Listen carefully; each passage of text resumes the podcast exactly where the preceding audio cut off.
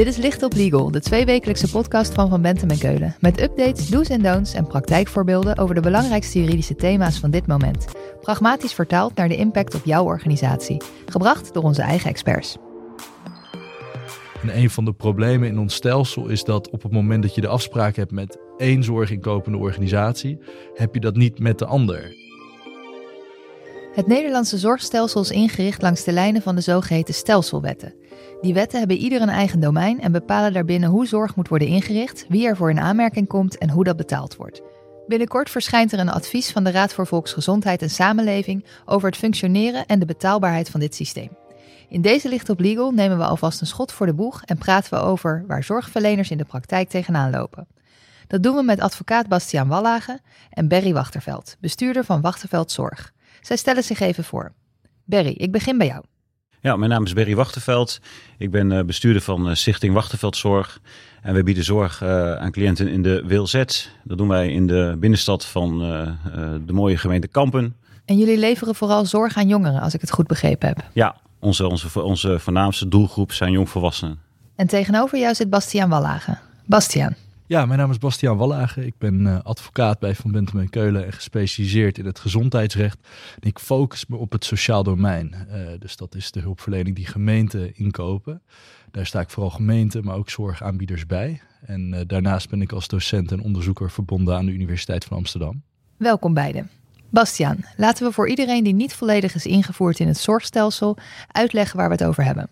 Dat systeem van stelselwetten in Nederland. Hoe werkt dat en wat komt eraan? Ja, in Nederland hebben we vier wetten op grond waarvan je aanspraak kunt maken op zorg. En dat is de zorgverzekeringswet, die zal iedereen kennen, want je hebt een verplichte eh, zorgverzekeraar nodig en daar kun je jaarlijks overstappen. Dus de meeste mensen zijn zich wel bewust van die wet.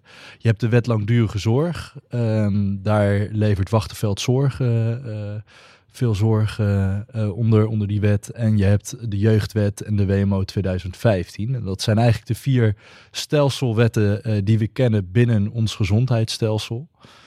Ehm, en ja, een hele actieve ontwikkeling in dat, eh, of hele actuele ontwikkeling in dat stelsel, is dat je ziet dat ehm, ja, eigenlijk al vrij lange tijd staat het zorgbudget onder druk.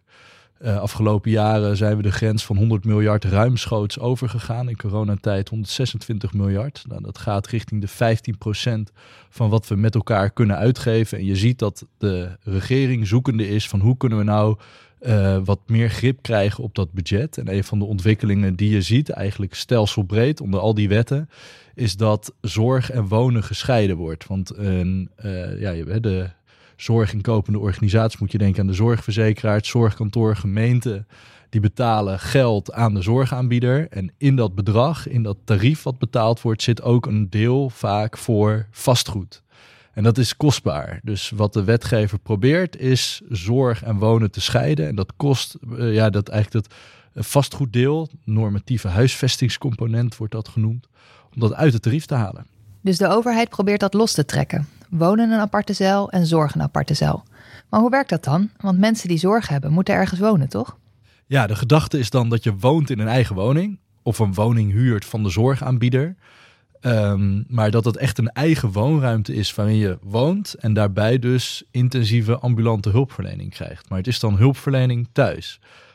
En niet meer zoals vroeger het geval was vaak in een gigantisch terrein met een grote instelling waar eh, cliënten dan intramuraal binnen de muren van de instelling verbleven. Je woont nu, dit is dan de gedachte van de eh, wetgever, in een eigen woning met hulpverlening. Kortom, zorg en wonen niet in één complex.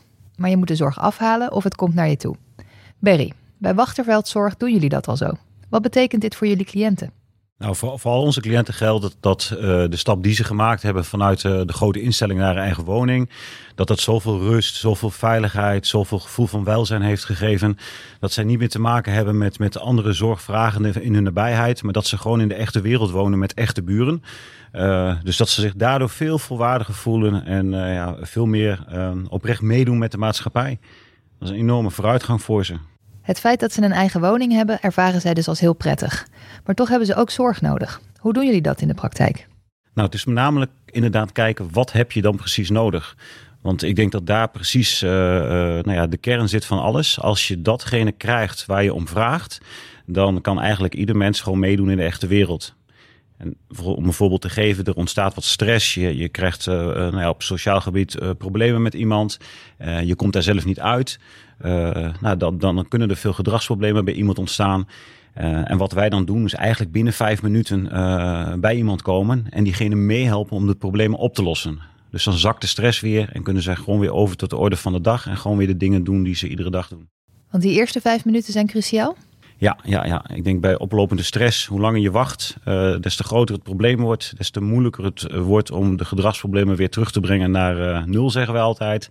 Dus hoe eerder je te plaatsen bent, des te, ja, des te makkelijker het is om, om in verbinding te gaan en samen het op te lossen. Maar dan zou je juist zeggen dat zorg en woning weer bij elkaar moeten komen. Hoe spelen jullie dit klaar? Nou, dat is gewoon uh, logisch nadenken met elkaar. Dus uh, uh, ja, je moet ze niet kilometers uit elkaar zetten. Maar je kan met een beperkte afstand met elkaar zorgen dat je de huisvesting inregelt. En wat wij doen is voornamelijk heel veel handen aan het bed creëren. Dus genoeg begeleiders, genoeg beschikbaarheid. Zodat als er iets gebeurt, dat je ad hoc direct kan inspringen. Moet ik dat dan zo voor me zien dat jullie een centrale hub hebben vanuit waar je overal snel naartoe kan? Ja, zeker. Binnen een straal van 1 kilometer uh, wonen alle 55 mensen die zorg van ons krijgen. En dagelijks werken er nou ja, tussen de 3 en 20 mensen, afhankelijk van het tijdstip. Uh, maar wij weten wanneer de zorgvragen oplopen. Dan zijn we met meer aanwezig. Nou, we werken met een, met een fantastische app waarin uh, de cliënten kunnen zien wie is er op dit moment aan het werk, wie is er beschikbaar. Nou, en die lijntjes die lopen heel goed. Er is hele goede verbinding. Um, en wat we echt zien in de afgelopen zes jaar dat we werken, dat alle gedragsproblemen die voordien waren, ja, die zijn bijna gereduceerd tot nul. En dat zit hem echt in binnen vijf minuten kunnen ontstressen. Bastiaan, als ik Barry zo hoor, dan werkt dat scheiden van wonen en zorg perfect, toch? Ja, in de praktijk uh, wel. Juridisch gezien is het wel ingewikkelder, omdat uh, uiteindelijk de vraag is uh, op het moment dat je zo op jezelf woont, binnen die vier stelselwetten, onder welke wet val je? Hè? Dus onder welke wet moet je dan ook de hulpverlening bekostigd krijgen? Um, en je merkt dat eigenlijk deze ontwikkeling, dat scheiden van wonen en zorg, nog niet heel goed aansluit bij die stelselwetten die we hebben. Dus het, idee is mooi. In de praktijk uh, horen we van Berry dat het ook echt voordelen heeft, ook voor de patiënt en de kwaliteit van zorg, het welzijn van de cliënten. Um, maar juridisch loop je wel tegen uh, ja, een hoop drempels op op het moment dat je dit gaat uitrollen. Omdat je administratief bij het ene loket moet zijn voor het ene en bij het andere voor het andere? Ja, inderdaad. Hè. Dus uh, omdat je die verschillende wetten hebt en uh, ja, Barry heeft een ja, hele diverse cliënten uh, populatie. Dus dat zijn cliënten die inderdaad de ene valt onder de jeugdwet, de andere valt onder de WLZ, de andere die heeft behandeling nodig, zit je onder een stukje zorgverzekeringswet. Dat op een goede manier organiseren. Vooral omdat op het moment dat je de zorg thuis regelt, die wetgeving eigenlijk nog complexer is. Uh, vaak als je te maken hebt met intramuraal verblijf, heb je wel één pot met geld en daar kun je het dan voor doen. Ja, dat is nu gedifferentieerd, omdat je dat thuis organiseert. Dus dat maakt het extra lastig. Um, ja, en daarnaast loop je ook tegen andere vraagstukken aan, namelijk, ja, wat is dit dan? Is dit dan wonen of is dit zorg? Of hoe moet je dit ook juridisch kwalificeren? Dus in de in theorie is het uh, iets wat de wetgever heel graag wil, maar in de uitvoering uh, loopt men eigenlijk achter de feiten aan. En ja, als je dan uh, aanbieder bent zoals Berry, maar dat is denk ik ook een vraag zo aan Berry, um, ja, dan loop je daar wel ook tegen juridische drempels aan. Berry, dat betekent dat jullie in de praktijk toch ook tegen drempels aanlopen. Hoe springen jullie daarmee om? Ja, het is, weet je, het, is, het, het blijft erbij dat je altijd moet gaan kijken wat is nou de bedoeling van wat je doet. En als je daarvan uitgaat en dat zo inregelt, uh, dan is er eigenlijk ook geen overheid die dat niet wil. Maar je hebt inderdaad soms wel te maken met, met, ja, gewoon met, met, met, met kaders. Waar, waar loop je tegenaan? En nou, de, grootste kaders waar wij tegenaan lopen is uh, dat de centrale overheid uh, een hele goede bedoeling heeft door de zorg vanuit instellingen naar de echte wereld te brengen. Maar de decentrale overheid, ja, die zit dan toch met, ja, hoe gaan we dat dan doen? Die lopen eigenlijk een beetje achter de feiten aan. Want is de bestemming dan wel kloppend? Moeten we dat niet gaan controleren? je, hebt, je hebt daar, nou ja, best wel veel met weerstanden te maken van, van een decentrale overheid. En dat is waar we met name tegenaan lopen. Nou ja, en, en ja, al die zorgwetten, um, dat klopt, daar loop je ook tegenaan. Maar dat wordt vaak met een aantal maanden wel opgelost. Uh, want daar gaat vaak wel tijd tussen zitten. Als je in de, de WMO 2015 zit, beschermd wonen. En je moet een aanvraag doen voor uh, de WLZ. Ja, dan, dan moet je soms, uh, ik zeg maar, de overheid ook wel eens helpen om in de juiste richting te gaan kijken en denken. En uiteindelijk kom je daar wel uit. Maar daar, ja, daar merk je wel dat het daar schuurt. Omdat ze daar nog niet helemaal op voorbereid en ingericht zijn. Dan hebben ze echt wel ons nodig en de inhoud nodig van hoe kijk je naar zorg en wat is hier aan de hand, wat is de aard van de problematiek. Nou ja, dat is best wel een bepaalde deskundigheid. En die, nou ja, daar zie je met name de, de last ook wel zitten. Dus waar jij tegenaan loopt is een verschil tussen hoe het op landelijk niveau bedacht wordt en er op gemeentelijk niveau uitvoering aangegeven wordt.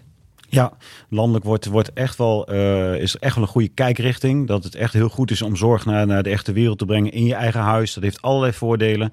Uh, zowel voor het welzijn van de cliënt, maar ook wel, uh, het is behoorlijk kostenbesparend.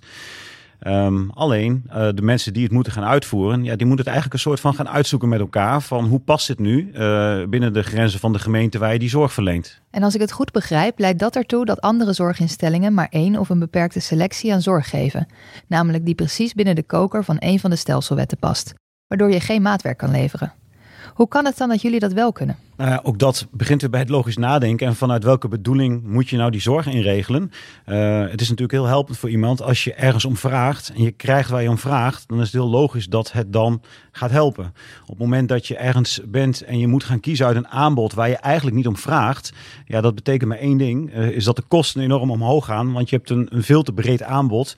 Uh, en als je in kan zoomen van, nou, ik heb maar een beperkte vraag en ik kan daar ook een antwoord op krijgen ja, dan is dat eigenlijk heel plat gezegd precies raak. En dan is dat maatwerk. En dan hoor ik je ook zeggen, dat is ook nog eens efficiënter dan die bulkkeuze die gemaakt wordt vanwege de stelselwetten. Klopt, want ik denk dat als je, je kan het uh, ook best wel logisch benaderen. Als je een heel groot aanbod hebt met, ja, met, een, met een hele grote overhead, met een hele grote back-office, met heel veel kantoren, panden.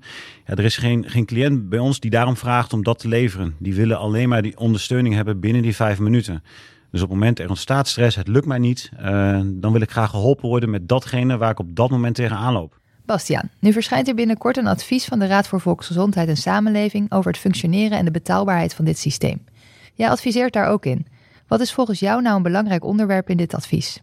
Een van de ja, onderwerpen die daar ook besproken worden is precies dit. Hè? Je hebt aanbieders die zeggen: uh, ik wil eigenlijk alleen maar jeugdhulp leveren, uh, want dan heb ik zekerheid, dan krijg ik mijn inkomsten, hoef ik me niet zorgen te maken over contracten met het zorgkantoor onder de wet langdurige zorg of afspraken met de zorgverzekeraar onder de zorgverzekeringswet. Gewoon één wet en uh, ja, dat is eenvoudiger. Betekent wel dat op het moment dat je een cliënt hebt die bijna 18 wordt, uh, je een probleem hebt. Want dan kan je die cliënt de hulp niet meer leveren, want de jeugdwet houdt op bij 18 jaar wat zie je daar vaak gebeuren, vooral bij die doelgroep, is dat op het moment dat die cliënt daar dan niet kan blijven zitten, op je achttiende ben je helemaal nog niet uh, volwassen, ja wel voor de wet, maar dan op het moment dat je die problematiek hebt, volgt vaak uit de praktijk dat die cliënt dan niet ineens helemaal op zichzelf kan wonen en alle problematiek weg is, uh, is dat die cliënt weg moet bij die instelling en dat gaat vaak fout. En daar is ook onderzoek gedaan, volgt dat een groot aantal jongeren op straat komt te staan. En een van de problemen in ons stelsel is dat op het moment dat je de afspraak hebt met één zorginkopende organisatie, heb je dat niet met de ander. En het toverwoord van de regering is daar samenwerken. Van de zorgverzekeraars, gemeenten, zorgkantoren moeten maar met elkaar samenwerken. Maar in ons stelsel is dat heel lastig, omdat dat aan de ene kant publiekrechtelijk is ingeregeld, aan de andere kant privaatrechtelijk is ingeregeld. En vooral met die privaatrechtelijke partijen, de zorgverzekeraars, dat zijn eigenlijk gewoon schadeverzekeraars. Ja, daar is heel lastig uh, om mee samen te werken. Die gaat niet zomaar iets financieren waar zij niet verantwoordelijk voor is. Um, ja, en ik denk een van de oplossingen zou kunnen zijn, is dat op het moment dat er een cliënt in zorg is, um, en je hebt het over continuïteit van zorg, dat dan een eventuele overnemende uh, zorginkopende partij, dus die de financiering dan moet overnemen, dat die dan ook de contractuele voorwaarden van de ander overneemt. En dat dat dan de invulling is van wat men samenwerken noemt. Maar dat zou dan wel verankerd moeten worden in de wetgeving. Want dat is op dit moment geen verplichting. Er worden soms wel minder harde soft law afspraken gemaakt tussen branchepartijen in de zorg om dit wel te doen. In de praktijk wordt daar eigenlijk geen opvolging aan gegeven. Dus ik denk dat je dat harder moet maken. Dat moet echt uh, wetgeving worden. En dan is dat ook af te dwingen. Bastiaan en Berry, om af te sluiten. Waar moet het in de toekomst naartoe? Bastiaan. Ja, dat is een hele ingewikkelde vraag. Want ons stelsel is uh, gegroeid uh, naar wat we nu hebben. En dat veranderen is ontzettend uh, complex. Is ook in het verleden gebleken, eigenlijk alle grote stelselveranderingen, die brengen ook weer problemen met zich mee. En als je ja, Europees, maar ook internationaal kijkt naar het Nederlandse gezondheidsstelsel, dan hebben we eigenlijk een heel goed stelsel. Dus we hebben het hier over excessen, over de punten waar het knelt. En ja, wat mij betreft ehm, moet je daar het vergrootglas op leggen en kijken hoe je dat beter maakt. Uh, maar het hele zorgstelsel veranderen en zeggen we moeten naar één wet of um, ja, ik denk dat dat niet uh, op korte termijn niet uh, de situatie heel veel beter maakt. Um, ik denk wel dat als je dan inzoomt op bepaalde thema's uh, en op bepaalde ja, eigenlijk knelpunten in het stelsel, dan zit een van die knelpunten wel op ja, de overgang, dus eigenlijk de grijze gebieden tussen die verschillende stelselwetten in hoe je dat dus beter kunt laten verlopen. En ja, wat mij betreft is daar bijna prioriteit nummer één. Wel de doelgroep ja, van minderjarigheid naar meerderjarigheid. Omdat die overgang ja, heel moeizaam verloopt. En de regering is dat ook wel, ja, die is zich daar wel bewust van. Uh, maar je merkt toch, ik kan dat ook niet helemaal plaatsen, dat daar meer tijd wordt genomen. En er bijvoorbeeld wordt gezegd, we doen de leeftijdsgrens van de jeugdwet omhoog naar 23 jaar. Dat is een voorstel dat vaak wordt geopperd. Uh, ja, dat wordt toch nog niet, nog niet doorgevoerd. Maar ik verwacht wel, als je wat verder kijkt naar de toekomst, dat dat soort wijzigingen wel, wel worden doorgevoerd in het stelsel om het beter te maken en om problemen te voorkomen. Dus volledige harmonisatie is geen optie. Maar dat stuk wat nu grijs is, die overloopt tussen die wetten, dat moet beter geregeld worden. Berry, hoe kijk jij daarnaar? Nou, ik denk dat, dat je heel erg uh, moet gaan aansluiten bij waarom gevraagd wordt. En vaak is dat uh, eerst rust en dan de rest, zeggen wij binnen onze organisatie. Uh, als je rust creëert, dan is het eigenlijk vrij overzichtelijk voor de meesten wat de rest is. Dat is gewoon stabiel wonen. en eigenlijk gewoon heel simpel wat ieder mens nastreeft, is gelukkig worden in het leven. Nou, daar heb je niet altijd al die dure behandelingen voor nodig. Of al die ja, dure profielen die opgezet worden.